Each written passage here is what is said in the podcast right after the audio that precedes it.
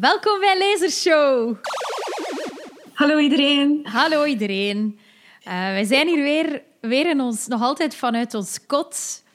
Uh, nog altijd uh, opgesloten, of ja, in lichte lockdown, maar helemaal terug met een nieuwe aflevering. Live vanuit Brussel en Gent. Ja, op twee plaatsen tegelijk. Ja, echt waar, echt waar. Het kan allemaal. Kijk, zelfs een pandemie kan, ons, kan de wereld overnemen en wij kunnen op twee plaatsen tegelijk opnemen. Ja, het kan een lasershow niet stoppen. Nee, voilà. Goed. Pauline, is alles goed daar in Brussel? Uh, ja, het begint zo langzaamaan zijn uh, toch wel een beetje terug normaal te worden en zich te herpakken. Ik ben ook voor de eerste keer terug gaan lesgeven met mondmasker en al. En dus ja, op zich um, back to normal, maar eigenlijk toch ook weer niet of zo. Ja, ik vind zolang dat de restaurants en de cafés en zo allemaal gesloten zijn, is toch zo een beetje een mineur, hè? Ja. En zolang dat je iedereen kunt vastpakken. En ik weet niet of ik dat in de vorige aflevering al had gezegd, maar ik heb zo de neiging om zo... Ik heb zo'n drang om aan alles te likken en alles vast te nemen. Ik wou dat ik dat gewoon zo zou kunnen. Gewoon omdat het niet mag. Je wilt zo alles aanraken, maar dat kan niet. Maar die drang heb ik toch precies niet Nee, ik denk dan zo... Ah, zo die vrijheid om dat gewoon te kunnen doen. Ja. Maar dat heel terzijde natuurlijk. Uh. ja. ja. het is best om niet te veel aan dingen uh, nee, het mag te niet, hè? en te lukken en te doen. Ja, het is waar. Uh, ja. Houd, je nog, houd nog een beetje in, Eline? Ja, nog even. Nog even. Zou, zouden we in de zomer aan alles mogen likken of nog niet? um, geen idee. Echt, ik, vind het Ja, ik hoop dat we binnenkort... te voorspellen. Ja, ja, het is dat. Oké. Goed, maar dus we, we, we, we, dwalen af, hè. Ja, uh, los, van het, los van het geluk. Onze topic van vandaag... Ja. zeg het maar. Het is uh, Hamnet van Maggie O'Farrell. Het is het boek dat we vandaag gaan bespreken. En uh, ja...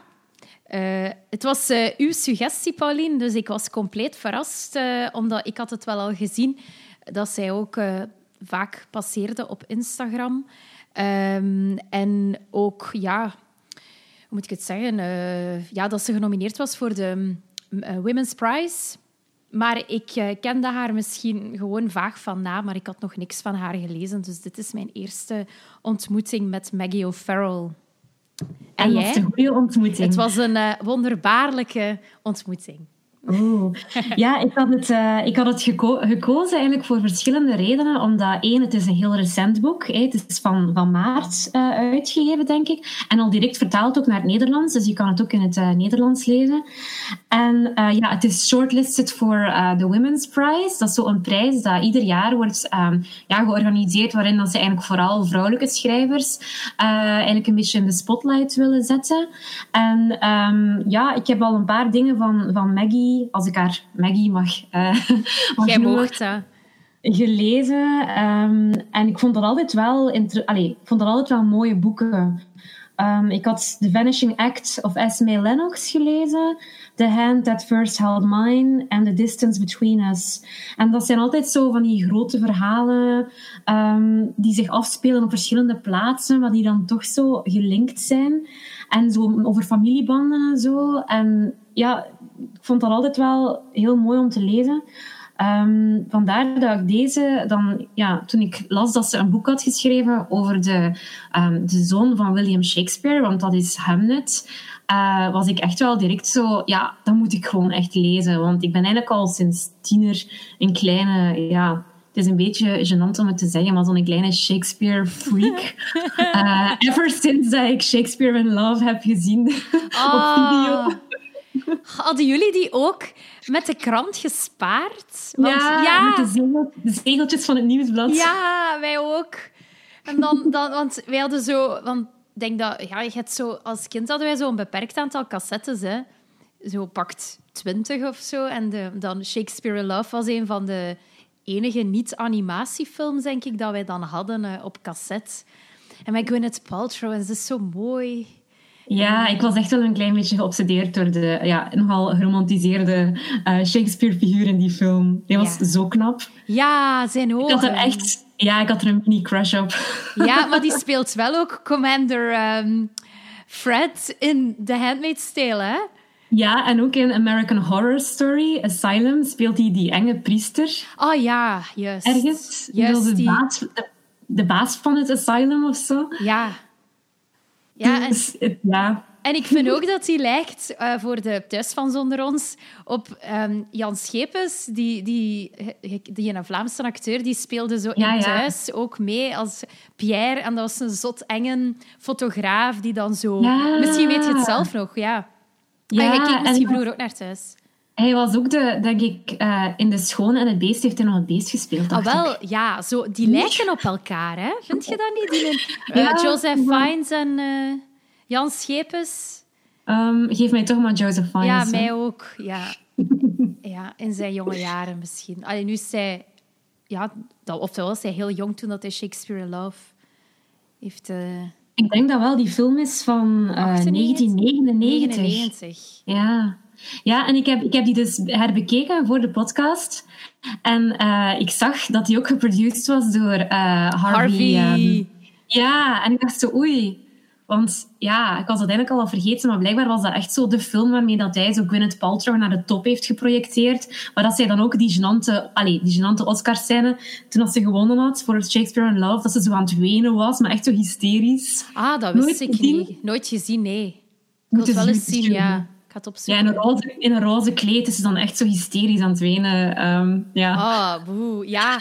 Ah, wel, ik, ik had in dat boek van She Said over zo de hele MeToo... ehm, ja, het hele MeToo-schandaal en dat ze Weinstein dan proberen strikken, wordt dat ook gezegd dat zo Weinstein dan haar naar de top wil brengen. Ik denk dat ze ook Shakespeare in Love dan vermelden. eh, ja, ja. ja. Oké, ja, maar dus... ehm eh, Hamlet zelf... ja, wat we zijn, het gaat dus inderdaad over de ehm, zoon van Shakespeare. Wel, het is, ze heeft eigenlijk een aantal ehm, ja, feiten uit zijn leven gebruikt om daar haar verhaal rond te maken. En die feiten over Hamlet en over zijn leven en Shakespeare, zijn gezin, zijn, ehm, hoe moet ik het zeggen, staan niet eh, volledig vast. En ze zegt zelf van dat er geen duidelijkheid is over ehm, ja, eh, waar bijvoorbeeld de familie precies eh, woonde en of dat zij dan met, ehm, ja, hoe moet ik het zeggen, met, dus de, de grootvader en de grootmoeder en zo, die spelen allemaal een belangrijke rol ook in het verhaal van Hamlet. Maar het is niet duidelijk of dat die wel effectief ook bij elkaar woonden of dat dat misschien ja, toch niet klopte. Maar zij heeft daar toch heel haar, ehm, haar boek dan mee verder uitgesponnen. Ja, er is eigenlijk heel weinig geweten hè, van die periode. eh, van, van, ook van Shakespeare zelf en zijn vrouw. Want eigenlijk, het boek is wel, noemt wel Hamlet. Maar het gaat eigenlijk ook vooral, vind ik, over de mama van Hamlet en de vrouw van Shakespeare voor een groot stuk ook, vind ik. Ja, dat klopt. En- ja. Anne Hathaway, eh, hier wordt ze dan Agnes genoemd. Maar Ja. blijkbaar, allee, soms wordt ze Anne genoemd met twee N'en. Dan heb je Anne met twee N'en en een, en een U van achter. En dan heb je nog Agnes.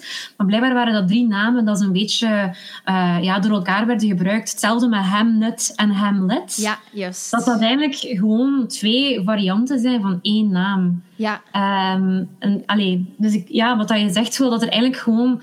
We weten dat die figuren bestaan hebben, maar er is zo weinig informatie over dat, ja, dat je daar eigenlijk ook wel heel veel dingen mee kunt doen en, en dingen mee uitvinden en er ook allee, verhalen rondbreien eigenlijk, rond Ja. figuren die bestaan hebben. ja waardoor... Ja, misschien kunnen we, misschien kunnen we kort eh, de inhoud van, ehm, van het boek eventjes Ja. eh, uiteenzetten. Ehm, ja, dus, dus we hebben ehm, aan het begin van het verhaal eh, komt Hamlet meteen in beeld en hij is alleen thuis. Eh, en al snel blijkt dus dat eh, zijn tweelingzusje Judith, of Judith ziek wordt, heel ziek wordt. En alle andere familieleden, eh, dus de mama, de papa van Hamlet, de andere zus en ook de oma en de opa van Hamlet, die het huis naast hen wonen, die zijn allemaal nergens te vinden. En dus het verhaal gaat enerzijds over ja, eh, de, de ziekte die daar rondwaart in, in het huis van de familie van wat dan effectief William Shakespeare is. Eh, en dan ook ehm, over het leven van ja, de ouders van Hamnet en hoe dat die zijn samengekomen en ook de, drastisch, de dramatische gebeurtenis die er dan plaatsvindt naar aanleiding van die ziekte en hoe dat iedereen daarna, daarna daarmee omgaat. Ja. het was eigenlijk ieder hoofdstuk wisselt eigenlijk een beetje. Dus eerst heb je zo een hoofdstuk dat zich afspeelt in ja, de, de tijd waar dat de, de Shakespeare's eigenlijk al kinderen hebben. En dan heb je eigenlijk een meer zo de flashback naar hoe dat de Anne Hathaway en William Shakespeare elkaar zo gezegd ontmoet hebben. Hoe dat ze dan bij elkaar allee, gekomen zijn, getrouwd zijn enzovoort. Ik vond het um, grappig, want ik las in een recensie van De Telegraaf. Was zo'n Nederlandse krant, denk ik Um, dat dat boek werd omschreven als een relatietriller. Een relatietriller? Ja. Wauw. Wat vind je daarvan? Wel, ja... Wel, zoals dat je daarnet zei, heel wat uh, in het verhaal uh, wordt, wordt verteld vanuit het perspectief van Agnes, de mama van Hamnet en Judith, en um, van uh, Susanna, de andere dochter. dus, dus, en William is, is heel vaak afwezig. Hij is continu ook met zijn hoofd. Hij is eigenlijk fysiek bijna nooit aanwezig, maar zelfs als hij er is, dan is hij vaak met zijn hoofd bezig met dan, ja, wat hij met zijn leven wil doen. En dan daarna ook ja, dat hij met die theatergezelschappen op weg is. En ik vind wel dat naar het einde van het boek toe, dat zo die spanningen rond het verdriet in die relatie wel uh, tamelijk um, uitgebreid aan bod komen. Dus hoe dat Agnes dat ervaart, dat uh, haar partner ja, er niet is als zij wil delen in dat verdriet en dat zij alleen met het verdriet achterblijft. Uh, ja, en hoe dat zij als koppel ja, daar niet mee omgaan. Ja, ik vond het heel interessant, omdat ik, ja, het meeste dat ik wist van Shakespeare en dat huwelijk dat zij heeft, dat wordt eigenlijk meestal in een nogal negatief daglicht geplaatst, als je zo een beetje leest over Shakespeare. Um, en zij, dus Anne Hathaway, wordt meestal zo voorgesteld als iemand dat hem zo belemmerde in zijn creatief genie zijn. En hier krijgen we eigenlijk een, een, ja, een ander beeld. En, um, want ik weet zelfs in de film, als ik even nog terug mag naar Shakespeare in Love, gaat hij zelfs naar een soort van psychiater, een soort van zielenknijper, een dokter. En dan zegt hij, dan praat hij zo over zijn huwelijk, alsof hij daar zo door getraumatiseerd is. En hij zegt zo, ja, mijn huwelijksbed is koud sinds dat de tweeling geboren is. Want Hamlet was deel van een tweeling. Ik weet niet of we dat gezegd hebben. En dus uh, hij zegt, alleen heel vaak wordt, wordt Anne ook zo al verweten dat zij Shakespeare in het huwelijk gelokt heeft. Omdat zij was acht jaar ouder dan hem. En ze was drie maanden uh, zwanger toen ze getrouwd zijn. En dus heel, allee, in de hele Shakespeare-kritiek wordt er heel vaak zo... Ja, zij wordt zo'n beetje in de rol geduwd van de vrouw die hem heeft proberen te strikken uh, door zwanger te worden. Uh, ze al een beetje zo'n, hoe zeg je dat, een, een, een, oude vrijster. En dus ze moest wel iets doen. En dan heeft ze die jonge knaap Shakespeare proberen zo, ja, in haar val te, te lokken. Dus dat is eigenlijk zo'n beetje het beeld dat dat, dat er heerst dan ook bijvoorbeeld in, in het testament van William Shakespeare, dat is bijvoorbeeld wel um, overleefd, laat hij haar niks na, behalve het bed. Ah. Met echt alles, dus wat hij heeft, het huis en zo, en, en het geld, en alles wordt zo'n beetje verdeeld. Maar aan zijn, aan zijn vrouw laat hij gewoon het bed na. En daar hebben heel veel mensen zo zoiets van gemaakt van ja, zie, hij zag haar niet graag en dat was eigenlijk geen goed huwelijk. En hij heeft ook de familie achtergelaten om in Londen dan carrière te gaan maken op het theater. En dat, die familie, dat was voor hem niet belangrijk. En hij, hij wou vooral op zijn theater en, en zijn stukken en de literatuur focussen. Maar hier in het boek krijgen we eigenlijk een, een ander beeld. Hè, dat hij wel die kinderen um, graag zag en dat hij wel teruggereisd is direct toen hij hoorde hey, dat, ze, uh, dat er iemand ziek was. Dat hij echt alles deed om terug te gaan. Dus ik vond het wel een mooie. Um, ik ben op zoek naar een goed woord. Een, een, her, een herbe, uh, herbekijking of een herwaardering. Of een, opnieuw, een nieuwe inschatting eigenlijk van hoe dat, dat huwelijk of die relatie tussen die twee eigenlijk was. Misschien. Ja. Optioneel. Ja. Het is uh, ja, frappant dat je dat zegt van dat bed omdat ook op een hele, ja, meer naar het einde van het boek toe gaat het over hun woning en zo. En dat um, een van de dochters uh, nieuwe meubels wil kopen. En dan houdt uh, Agnes ook vast aan het oude bed. En ze wil dat als enige meubelstuk niet wegdoen. En dan... Uh, Ja, ja, denk je dat dat een knipoog is naar de... Ja, naar... Sowieso, sowieso. Want dat van dat bed, dat weet ik omdat ik uh, een ander boek heb gelezen dan over de vrouw van Shakespeare, um, van Germaine Greer dat is zo eigenlijk, ik ken die niet zo goed, maar als ja. blijkbaar zo'n mega feminist. De female eunuch is toch ook van ja. haar? Ja. ik heb dat hier staan, maar ik heb dat nog nooit gelezen. ik heb daar ook nog niks van gelezen, maar ik zag nu toevallig dat boek, De Vrouw van Shakespeare, en ik dacht, ah, dat ga ik nu lezen, want dan leer ik misschien nog meer over Anne Hathaway. Um, maar eigenlijk was dat wel een enorme teleurstelling, um, dat boek zelf. Want ja, zoals we al zeiden... Um, er is niks geweten over die vrouw. Er is niks van feiten. Zelfs haar geboorte weten we niet zeker. En toch kan uh, Germaine Greer daar precies een boek over schrijven van 400 pagina's. Uh, ik ga het u even tonen. Oké. Ja, en op de achterkant van dat boek schrijven ze zo uh, dat dat boek een, een sprankelende, erudite en zeer geestige zoektocht is naar een vrouw die altijd in de schaduw van haar man heeft gestaan. Maar ik vond het eigenlijk echt alles behalve geestig. Um, ik vond het ook heel saai eigenlijk. Uh, want het gaat vooral ook over andere vrouwen die in die tijd leefden. En ook over dat dorp van Stratford upon Avon, waar ze woonden. Hoe dat het leven daar was voor vrouwen. En ja, ik vond het eigenlijk echt niet zo hoe zeg je dat, niet zo interessant, to be mm. honest. Dus eigenlijk heeft ze bij gebrek aan feiten over die Anne Hathaway het dan gehad over gewoon algemeen vrouwen in die tijd. Ja, echt. Maar ik had wel in een interview uh, gelezen, of was het in het boek zelf, dat Maggie O'Farrell zei dat ze dat boek van Germaine Greer had gelezen en dat dat een van haar belangrijkste bronnen was. En daarom denk ik dus dat dat bed, want ja, daar wordt dat dus ook uh, beschreven, dat dat het enige was dat hij haar achterliet, dat zij dat bed, dus het bed van de Shakespeare's, het echtelijke bed, dat ook in de film kwam, hé, dat zo gezegd koud was sinds dat de tweeling geboren was, dat dat inderdaad wel misschien een knippel is, denk ik. Ja, ja, ja, ja, ik snap het, ja. Um, ja, um, die Shakespeare... Ik vind wel dat, dat, als, dat, dat inderdaad Agnes is, is degene door wiens ogen je bijna ja, drie vierde van het verhaal ziet. En wat dat mij opviel, en ja, u waarschijnlijk ook, is dat de naam van William nergens in het boek wordt genoemd. Hè? Dus hij is ook een, zo een absent presence. Of zoals, zoals um, uh, uh, O'Farrell het zelf zegt, een, een uh, present absence. Ze benoemt het ook op een bepaald moment. Dus doorheen het hele boek um, wordt, wordt zijn naam nooit genoemd. Dus hij wordt de hele tijd um, de tutor genoemd of the father, the son, maar nooit zijn naam. Dus zijn afwezigheid, hij, hij, blinkt uit in afwezigheid. En dan op een bepaald moment uh, zegt oh, Farrell het bijna letterlijk, want um, dan staat er zoiets van... Uh, um, ik zal, zal dat zinnetje even lezen.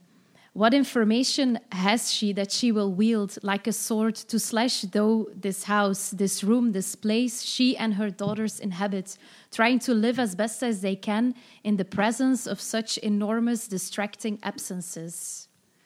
En ja. dan dacht ik, ja, dat is dat is het gevoel dat je zo door heel het hele boek hebt. En vooral aan het, aan het begin had ik het dan nog wat meer dan aan het einde, dat die Shakespeare, dat zijn schaduw daar heel de tijd is. Hij is wel de elephant in the room, maar dat er rondom hem heen wordt verteld. Uh, ja. En maar dat vond ik juist boeiend, omdat hij altijd de volledige aandacht krijgt, maar dat hier echt gaat over wie staat er rond hem of wie stond er achter hem om hem te steunen. En, en, allez, er wordt ook gesuggereerd in dit boek dat Agnes degene is die voor hem het pad heeft vrijgemaakt om naar Londen te gaan en dan zijn carrière uit te bouwen. Hè? Ja. Ja, daar was, ja dat, soms had ik een beetje te veel het gevoel dat, dat, dat hier de focus van, van Shakespeare vooral naar, naar Agnes wordt gelegd en alsof dat alles zo van, van haar uitkwam en niet van Shakespeare. Het is weer zo'n, ja, hoe zeg je dat, zo'n Wiedergutmachung. Uh, precies een beetje de geschiedenis terug willen herschrijven en, en toch ook ja, eerbetoon eigenlijk willen geven aan een vrouw. Ja, zoals ik daarnet zei, die altijd in de schaduw heeft gestaan en die misschien ook inderdaad opofferingen heeft moeten brengen uh, op, haar, allez, op de maat van haar gezin dan eigenlijk, zodat haar man naar Londen kon gaan en, en die carrière hebben. Hè. Ja. Um, ja, ze wou, hij, hij, was op een bepaald moment volgens het boek dan zodanig ongelukkig dat hij alleen maar dat pad zag. En zij dacht dan van oké, ik zal mijn eigen ehm, ongeluk in een hoekje duwen om hem te laten gaan. Zo het liefde is loslaten idee. Ja. Inderdaad. Het is ook eigenlijk een heel actueel boek, hè? want ik, vond, ik wist het niet op voorhand, maar het gaat ook natuurlijk over ja, de pest. En nee, je zei het al, dus op, op een ochtend is een van de tweeling, Judith, heel ziek. En dan leren we eigenlijk ook meer over hoe dat de pest inderdaad in, in Stratford-upon-Avon uh, ronddwaalt. Uh, en ook hoe dat die helemaal vanuit West-Azië naar Europa is gekomen. van Alexandrië tot in ja. Uh, Stratford, ja. Ja, dat is één hoofdstuk waarin ze echt zo beschrijft hoe een, een, een vlo van een aapje op een matroos springt en hoe dat die dan van naar Italië gaat, via Spanje. En hoe dat die vlo helemaal uh, ja, vanuit Londen dan naar Stratford upon Avon, eh, de dorpje van de Shakespeares, uh, reist en daar dan eigenlijk mensen besmet. En dat vond ik eigenlijk wel een, heel, een heel goed hoofdstuk. Ik ook, ik ook. Ik vond dat super boeiend. Ja. Um, ik zou eigenlijk wel willen weten in welke mate dat ze zich ergens op heeft gebaseerd. Op misschien... Ehm, ja, de, de, de informatie die er is geweest uh, rond, rond de verspreiding van de pest in die tijd. Uiteraard, allee, want iedereen weet ondertussen door de quarantaine hier dat quarantaine werd uh, vroeger gebruikt om boten 40 dagen aan wal te laten liggen, omdat de ziektes zo verspreid werden. En dat komt hier ook inderdaad aan bod, dat dus via die die matrozen en, en dat dan iedereen op het schip doodziek wordt. En ze gooien dan de lijken en de katten overboord. En de katten worden dan ook allemaal ziek. En dan komen er nog meer ratten. Ja. En, en wat ik ook uh, interessant vond, wat dat soms ook wel een parallel is met corona, is over die superverspreiders. He, dus dan dat jongetje... Oké, het is via die vlooien, hè, maar dat jongetje zelf die wordt niet ziek. Dus dat jongetje die de vlooien dan meedraagt, die blijft leven. En hij is eigenlijk de superverspreider die veel mensen ziek maakt, maar die zelf dan daar weinig notie van heeft. En dat is ja, met, met de coronavirus ook blijkbaar dat bepaalde mensen dan een hele groep kunnen aansteken, waar, terwijl dat ze zelf er heel weinig van uh, ondervinden.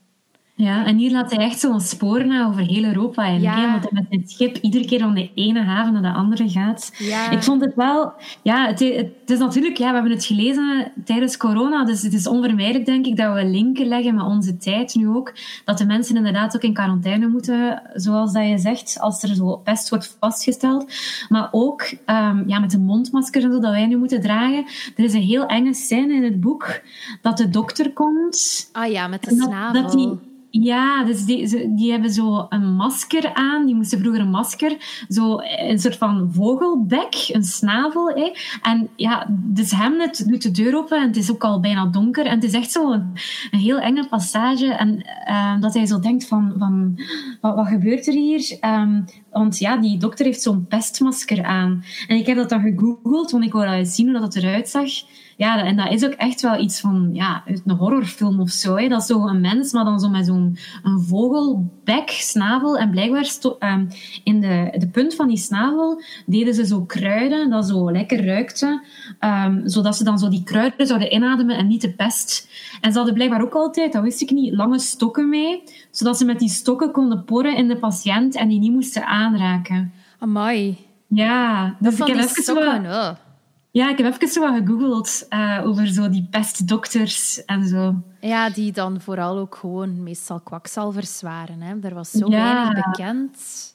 Want zijn medicatie, of zijn, zijn remedie was om uh, dan een dode pad, denk ik, nee, een gedroogde pad op de buik van de zieke te binden. En dan moest die, die gedroogde pad daar dus even een paar dagen op de buik van de zieke persoon hangen. En dat zou dan zo gezegd ja, die persoon genezen of zo. Juist, juist. Ja, ja het is... Blij dat we, dat we dat niet meer doen. Nee, nee, nee, inderdaad. Ja, die, die snavel en zo. Ik, ik had daar wel ooit al tekeningen van gezien dat is, dat is inderdaad uh, heel, heel eng. Ik wist niet dat daar in de, um, dan kruiden en zo in zaten om...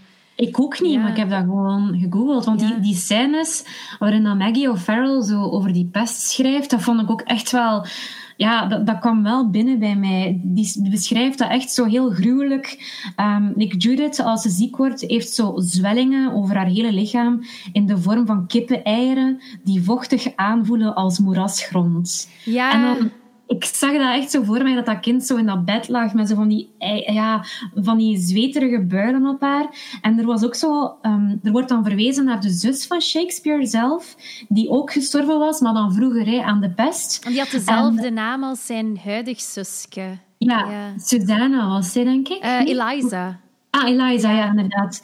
En dus daar wordt zo beschreven um, over die zus. She died of the pestilence, aged eight years old covered with swellings and hot with fever, her fingers black and odorous and rotting off her hands. Dat beeld van die zwarte vingers dat van uw lichaam wegrotten, dat heeft me echt wel even achtervolgd. Dat is ja, hallucinant. Ja, um, ja, ja het, is, het is zo... Ik was ook dan um, zo in de rabbit hole gedoken van zo die ziektes. Allee, over de pest en dan daarna over, um, over de pokken. Dat ze zo de pokken helemaal hebben kunnen uitroeien. Dus dat dat geslaagd is. En we dan ook zo die foto's daarvan. En ook van... Ik had dan zo foto's gevonden op Wikipedia van de, de bubonic plague. Zo de bullenpest, oh. wat dat de pest is van, uh, in het verhaal. En dat is echt inderdaad zo precies tennisballen die onder uw vel zitten. Hè. Ja, builen, echt. Ja. En het rare was ook dat die pest... Dus, ja, die kwam dan op... En dan ging die weer weg. Dan, precies dat hij zo terug even onderduikt. Maar dan kwam die weer terug dat was zo in golven. En dan iedere keer moesten ze zo de theaters sluiten. Want blijkbaar waren die theaters in die tijd uh, van Shakespeare, The Rose en The Globe en The Curtain, dat waren ook de plaatsen waar dat Allee, die, die ziektes eigenlijk verspreid werden, omdat er soms echt zo duizend man samenkwam op elkaar om naar toneel te kijken. En dan moesten inderdaad dus al die theaters gesloten worden, hey, voor een week of voor twee weken. En dan moesten de acteurs maar zien om een, een brood te verdienen, moesten ze dan maar zo gaan toeren naar Bristol of zo ergens anders naartoe gaan. En dat deed mij ook wel een beetje denken nu aan, aan de culturele sector nu, waar dat ook alles plat ligt, omdat ja, alles gesloten is van theaters en cultuurhuizen. Dus er waren heel veel dingen dat ik echt zo kon linken aan zaken dat wij nu eigenlijk van heel dichtbij ook meemaken, maar in een heel andere tijd. Ja, absoluut. Want dan, dan wordt er ook gezegd van ze gaan dan naar de countryside, daar spelen, omdat daar die uh, publieke samenkomsten wel toegestaan waren, maar in Londen zelf niet. Uh, ja, ik, ik had ook gelezen um, in een artikel van de New Yorker over de, de pest tijdens Shakespeare zijn tijd, dat dus er heel wat uitbraken zijn geweest. Um, dus dat in, tijdens zijn carrière dat echt er... Ja, ik zie hier 1582, 92, 93. Ze sommen het allemaal op. En dan blijkbaar tussen 1606 en 1610. Toen heeft Shakespeare onder meer Macbeth geschreven en The Winter's Tale, The Tempest. Ehm, in die vier jaar tijd... Uh, is het theater misschien in totaal maar negen maanden open geweest. Dus omdat ze heel de tijd door de pest zich moesten uh, ja, afzonderen, niet samenkomen. Uh, maar hij heeft blijkbaar die tijd wel goed gebruikt om zijn stukken dan uh, te schrijven. ja, ik wel, ik, dat is wel iets dat mij enorm fascineert. Zo dat, dat Elisabethaanse Londen, die theaters in die, in die ronde vorm. Ook in die film van Shakespeare in Love zijn er verschillende scènes dat de personages zo door Londen wandelen met muziek zo. En dan zijn er zo mensen die emmers water naar beneden smijten, een varken dat geslacht wordt, een kind dat met muizen aan het spelen is, of dan zo appels. En ja, dat spreekt echt wel tot de verbeelding, vind ik. Zo die tijd. Um, ja. en die kleren ook en alles. Het is zo heel... Ja, dus ik zeg het, ik ben, ik ben heel blij dat ik, dat, dat, ik nog eens een boek heb gelezen uh, over, over Shakespeare en die tijd en zo. Um, ja, ik vind dat heel fijn om, om over die periode te lezen ook. Ja, ik vond ook de... Ja, lijkt dat je zegt, de, de beelden die ze, die ze schept rond... Um, de, het straat, straatgebeuren, uh, ja. zowel in Stratford en dan op het platteland en dan daarna in Londen spreken enorm tot de verbeelding. Um, ja, zo, ik vind... Dus Agnes, die, de mama van Hamnet en Judith en, Susanna, die... Um, die heeft dan ook ja, heel lang op het platteland gewoond en die, die is uh, eigenlijk zelf geboren in een bos. En er is ook een heel mysterie rond de moeder van Agnes en rond Agnes zelf ook, dat zij een soort ja, een soort bosgeest, heks, fee is. Uh, ik moest altijd... Uh, ja, ik moest inderdaad... Ik moest altijd een beetje denken aan zo Kate Bush en zo... ik weet niet, zo witte gewaden en lange haren. En, en ik vind die, de manier waarop dat ze praat eh, over, over um, ja, die bosrijke gebieden en over ja, en, en de kruiden en ook, ook de, de markten en de kazen en zo in Stratford vond ik, vond ik heel uh, tot de verbeelding sprekend. Ja. Maar ik vind het wel... Sorry, zeg maar, zeg maar. Nee, zeg jij maar. Ah, nee. zo beleefd. Ah, ja, uh, dan, dan merkte ik ook wel dat, dat, dat, er, dat ze wel een contrast schept met de, de stad. En dat ook de, de personages, die, ja, die, de, de hoofdpersonages, die wonen allemaal meer op het platteland of in dan een klein stadje zoals Stratford, wat dat duidelijk niet wordt beschouwd als een stad. Um, dat daar veel meer ja, een soort romantiek rondhangt dan, dan zo de, de grootstad. Want Londen wordt dan zo ja, afgebeeld als die kleine straten. En Agnes die gaat dan naar Londen en dan ziet ze zo'n man op straat zijn gevoegd. En dan ziet ze zo'n koppel die ze staan te... Ja, te seksen in, in, een, in een steegje. Of dan, ziet ze zo, dan gaat ze naar het theater en dan ziet ze zo een kind zo lamsvlees van een bout knagen. En dat, ja, dat, dat zijn zo ook de ik denk dat, dat, dat de mensen van toen ook op die manier keken naar, naar Londen. Ja. Uh, wij zijn ook bang om naar Londen te gaan. Hè? Ja, dat was echt een goede, uh, een goede scène. Ja. Als je inderdaad naar Londen gaat. Alles wat je net hebt verteld is echt super. Allee, ik, heb echt, ik vond dat zo goed om te lezen. Ja, ja, ja. echt goed. Ja, maar het is, allee, het is ook een boek eigenlijk... Um, we hebben er nog niet echt over gepraat, over dat thema, maar het gaat eigenlijk ook over rouwen. Hè? Uh, want ja, ik denk niet dat we veel spoilen als we zeggen, maar ja, ze verliezen een kind. Daar gaat dat boek ook om. En de naam is ook, ja, de naam van het kind is, is ja, mag ik dat zeggen of niet? Wat denkt u? Dus wat ik toch dacht als ik eraan begon. Ja, ja. Hamlet is, is de... Allee, ik wist het sowieso al, hè, met dat ik toch allee, wel wat gelezen over Shakespeare. Hij, is een, een, ja, het kind dat, dat ze verliezen eigenlijk aan die pest. Hè. Het, staat ook op de eerste pagina bij de ah, historical note. Ja, ja. dus... Uh, en dan verandert het boek ook ineens, vind ik. Want je hebt zo'n beetje een romance, je hebt dan zo dat huwelijksleven.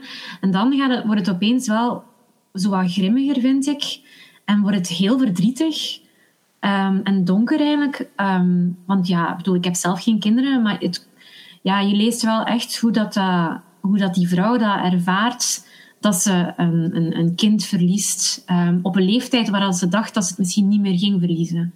Ja. dat ze dacht van, mijn kinderen zijn veilig. Of ze doet ook alles om ze veilig te houden. Maar dan ja, gebeurt het toch nog. Uh, en verliest ze haar zoon eindelijk. Um, en dan, dan gaat het boek ook meer over hoe, je hebt het al gezegd, hè, hoe dat ze daarmee omgaan. Um, en hoe dat, dat ook de relatie verandert en, en de hele sfeer eigenlijk uh, in, in, in die levens. Ja, ja het wordt dan echt, uh, ja, zoals dat je zegt, echt wel verdrietig. En, en trouwproces wordt met heel veel details beschreven. Ik vind het sowieso al een heel, hoe moet ik het zeggen, sensueel boek.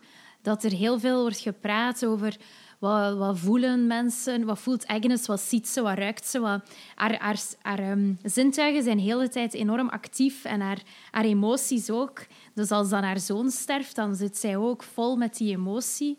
En zelfs een beetje in een soort contrast met de tijd, bijna. Omdat ja, ze, ze winden er ook geen doekjes om.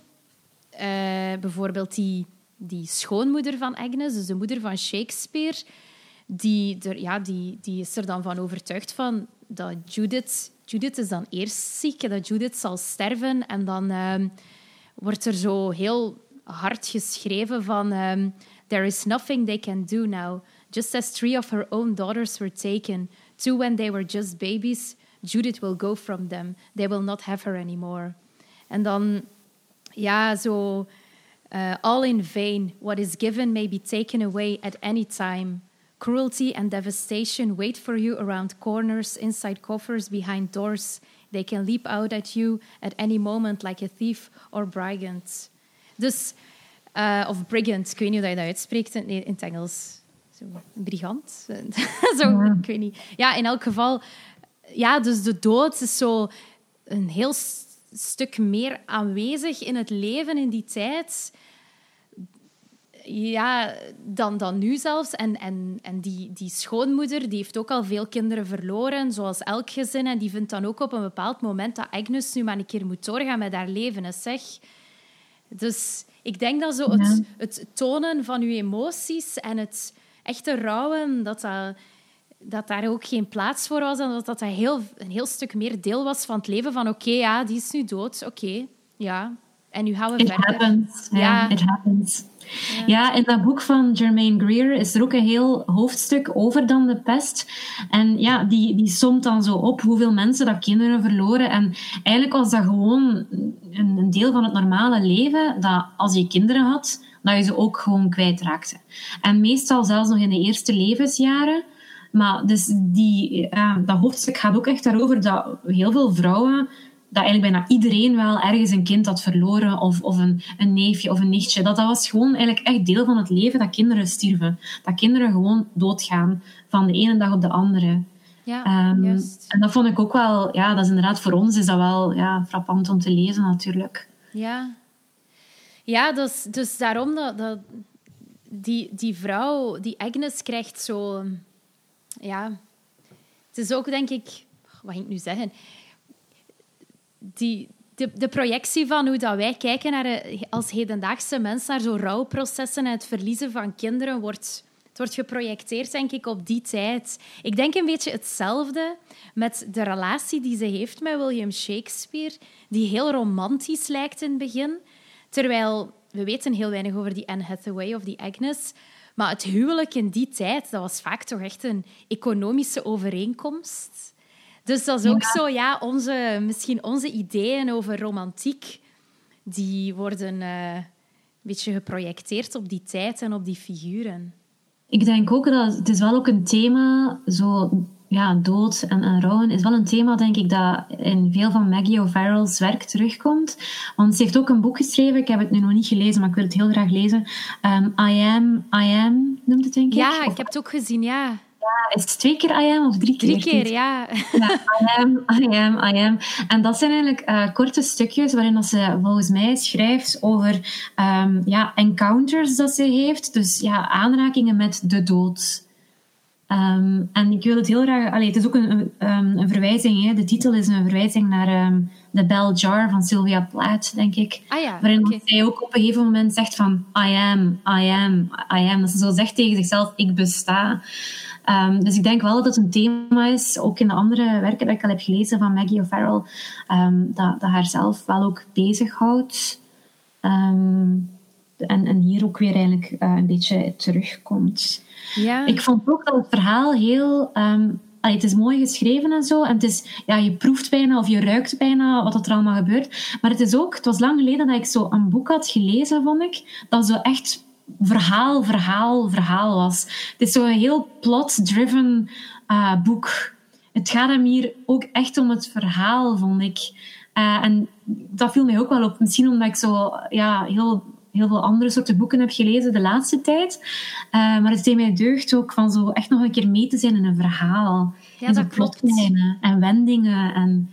Ja, um, ja. Spanning dus, uh, dat klopt helemaal. En ik denk dat dat ook um, ervoor zorgt dat het wel vrij toegankelijk is. Of eigenlijk echt Ja. wel toegankelijk. Ik dacht meteen aan, aan heel- een heleboel mensen die dat ook graag zouden lezen. Zeker, het leest heel, heel vlot, vind ik. Ja. Ehm, ik, was er, ik, was er heel, allee, ik was er zo in bezig en ik wilde echt zo verder lezen. Ik heb dat heel snel uitgelezen eigenlijk. ja, En ik vind ergens, ehm, ja, ik vind, ja, zoals ik al zei, ik vind het, het mooi dat we een andere kant zien, ook al is het fictie natuurlijk, hè, dat we zo'n keer een andere kant zien van de hele Shakespeare-beeltenis dat we hebben. Ehm, en, en van een, een kant van dat gezinsleven dat eigenlijk bijna, ja, dat eigenlijk bijna onderbelicht is. Hè. ja, ja, dat is Ja, en dat was, ja, dat was ook, allee, ook in dat boek van Germaine Greer was dat dan een poging, denk ik. En ja, als ik het even over de oldtimer mag hebben. Ja, Ja, nu dat we het over bezig onze oldtimer van deze week ehm, is eigenlijk een beetje... eh, het is eigenlijk ja, niet echt fictie, maar eh, het zijn eigenlijk essays meer. A Room of One's Own of Een Kamer voor Jezelf van Virginia Woolf.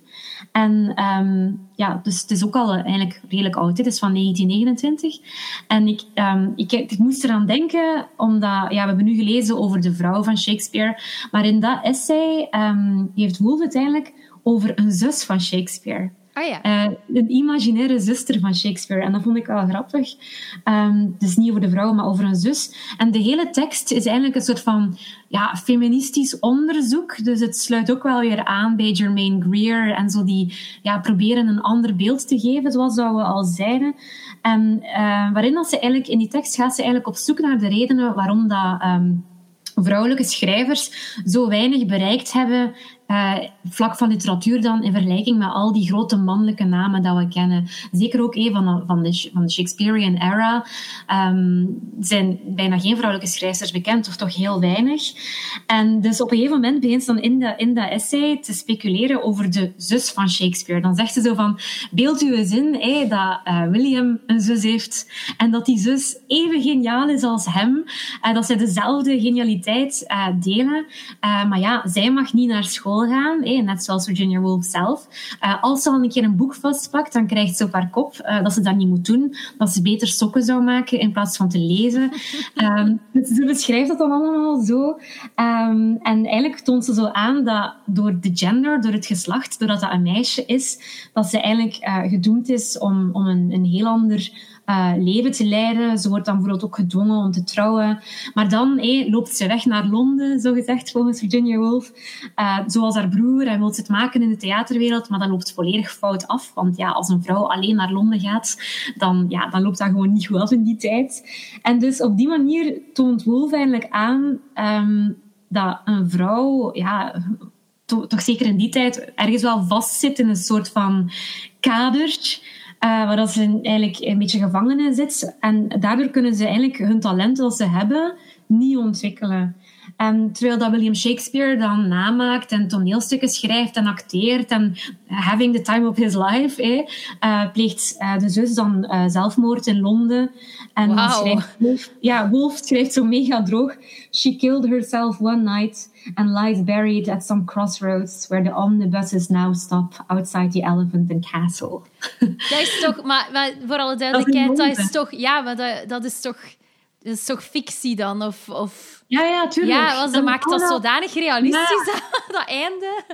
Ik vond dat, vond ik echt goed. Want ik was er helemaal mee in dat verhaal van die zus. Maar dat, is- ja, dat is gewoon, ze zegt dan, stel u dan nu eens voor, beeld u dan nu eens in, dat hij inderdaad echt een vrouw zou hebben, eh, een, een zus zou hebben, die, die ja, inderdaad gewoon hetzelfde is als hij, maar die gewoon niet dezelfde kansen heeft gekregen. En ja, dan, ehm, ik ga nog één stukje lezen hieruit. Ehm, ze zegt dan eigenlijk van... ehm, dat in het bekijken van die fictieve, het verhaal van die fictieve zus van Shakespeare, um, dat het volgens haar wel waar is, eh, uh, any woman born with a great gift in the 16th century would certainly have gone crazy, shot herself, or ended her days in some lonely cottage outside the village, half witch, half wizard, feared and mocked at.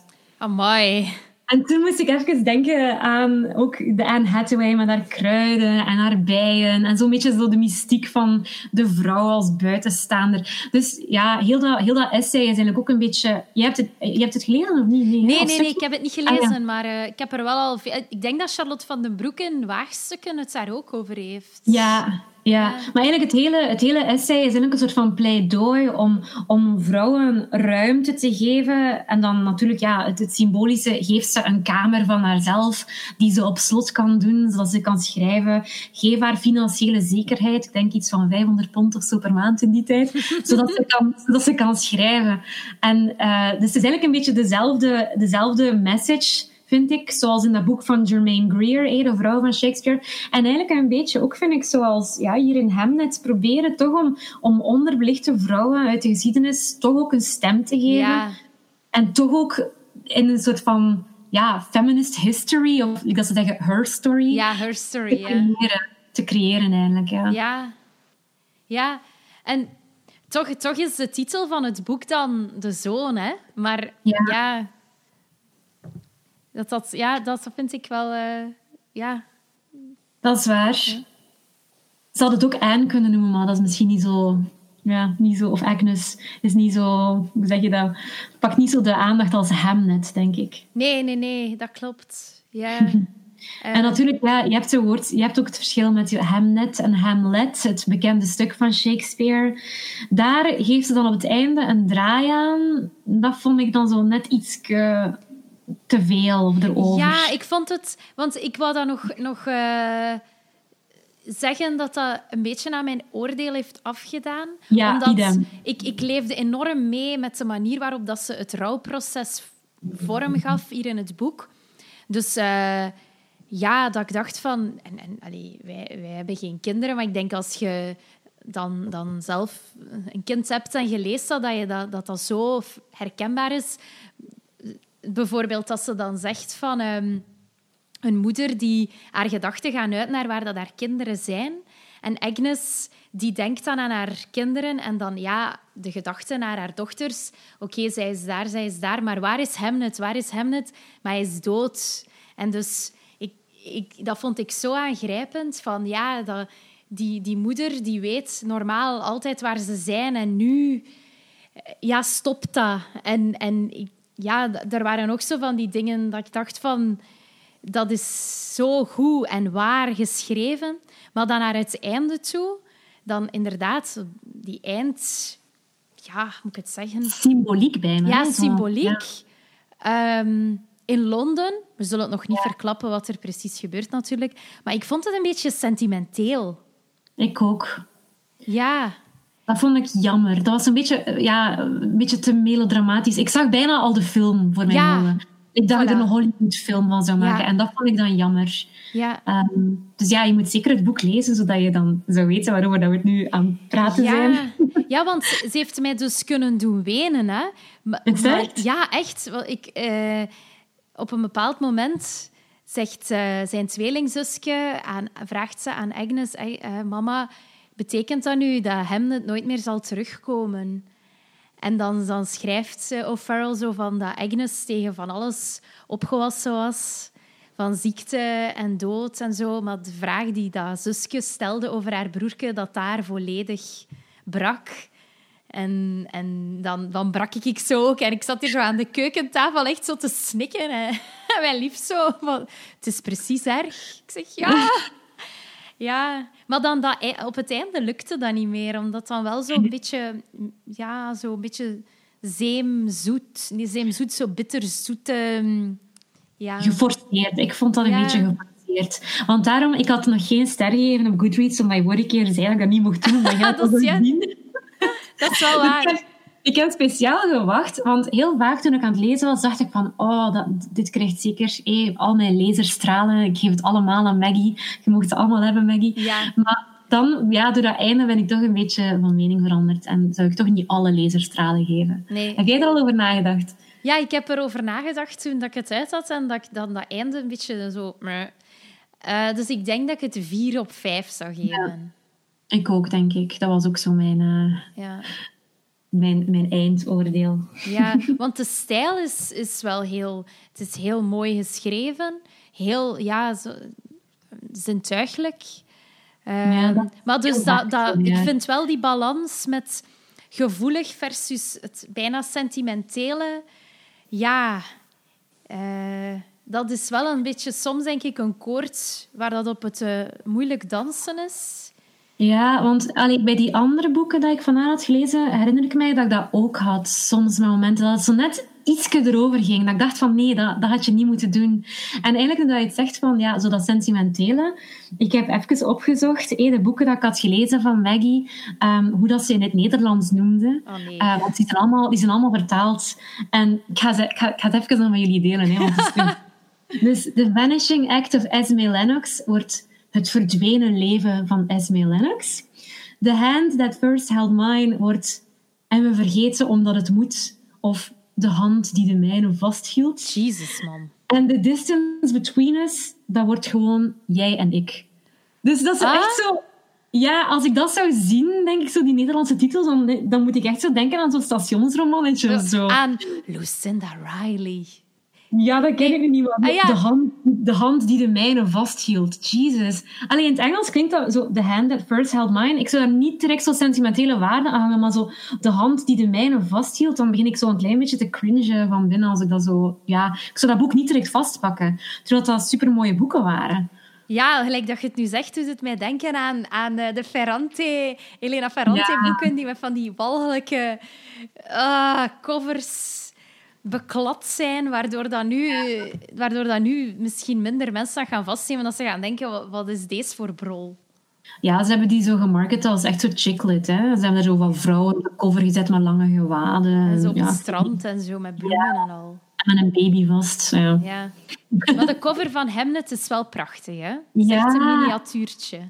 En er staat een eekhoorn op. Hè? Die heb ik nog niet gezien. Jawel, kijk eens. Op de letter H staat er een eekhoorn Ah, ja. en een, eh, en een uiltje.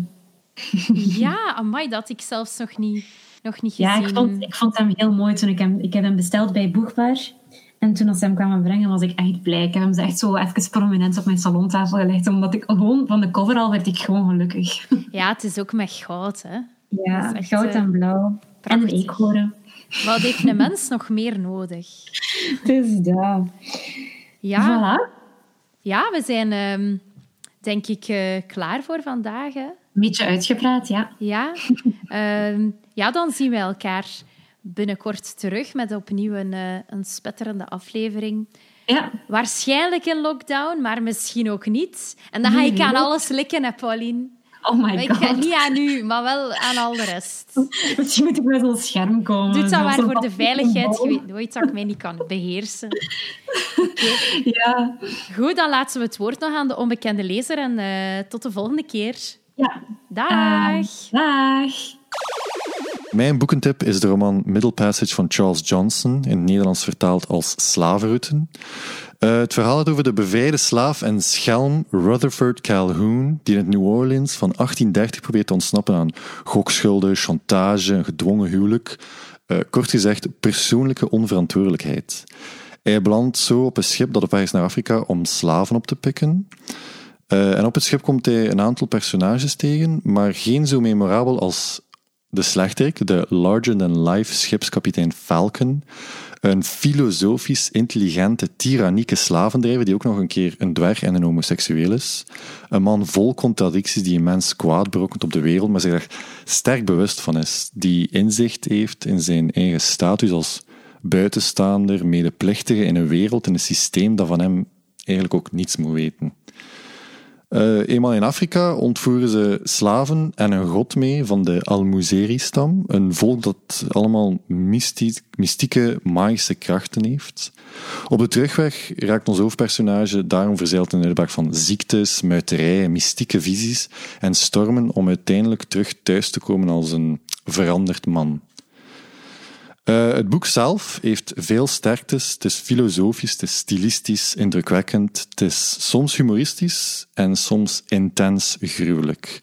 En toch allemaal verrassend bondig. Het boek is net geen 200 pagina's lang, denk ik. Eh, het zit volgestouwd met personages die, ondanks kort geschetst, een memorabele indruk achterlaten. Maar de originaliteit van het boek ligt in het constant ondermijnen van clichés en van onze verwachtingen. Dat is moeilijk af te leiden van de plotsamenvatting, maar om de haverklap word je in het boek verrast door wendingen en op het einde zitten niet met hapklare oplossingen. En daarin toont de auteur zich eigenlijk als een waardige erfgenaam van twee grote schrijvende Hermans, eh, Herman Hesse en Herman Melville, maar ook als de gelijke van andere Afro-Amerikaanse schrijvers, zoals James Baldwin, Richard Wright, nog anderen. Dat is niet min, hè. Eh, de titel zelf, Middle Passage, middenpassage, verwijst niet alleen naar de slavenroute tussen Afrika, Europa en Amerika, maar het verwijst ook naar, het onderzoekt ook die middens, die transities in de Amerikaanse geschiedenis, de transitie van slavernij tot vrijheid, de transitie in de kijk op ras, eh, de transitie in ons hoofdpersonage van onverantwoordelijke schelm naar ja, verantwoordelijke, van eh, de transitie van inzicht in zichzelf en in de wereld. Eh, het overstijgt uiteindelijk allemaal om iets diepzinnigs te zeggen over ja, uh, mens zijn. En het is juist daar dat Charles Johnson zich als een uh, groot kunstenaar toont en waarom je volgens mij dit boek moet lezen.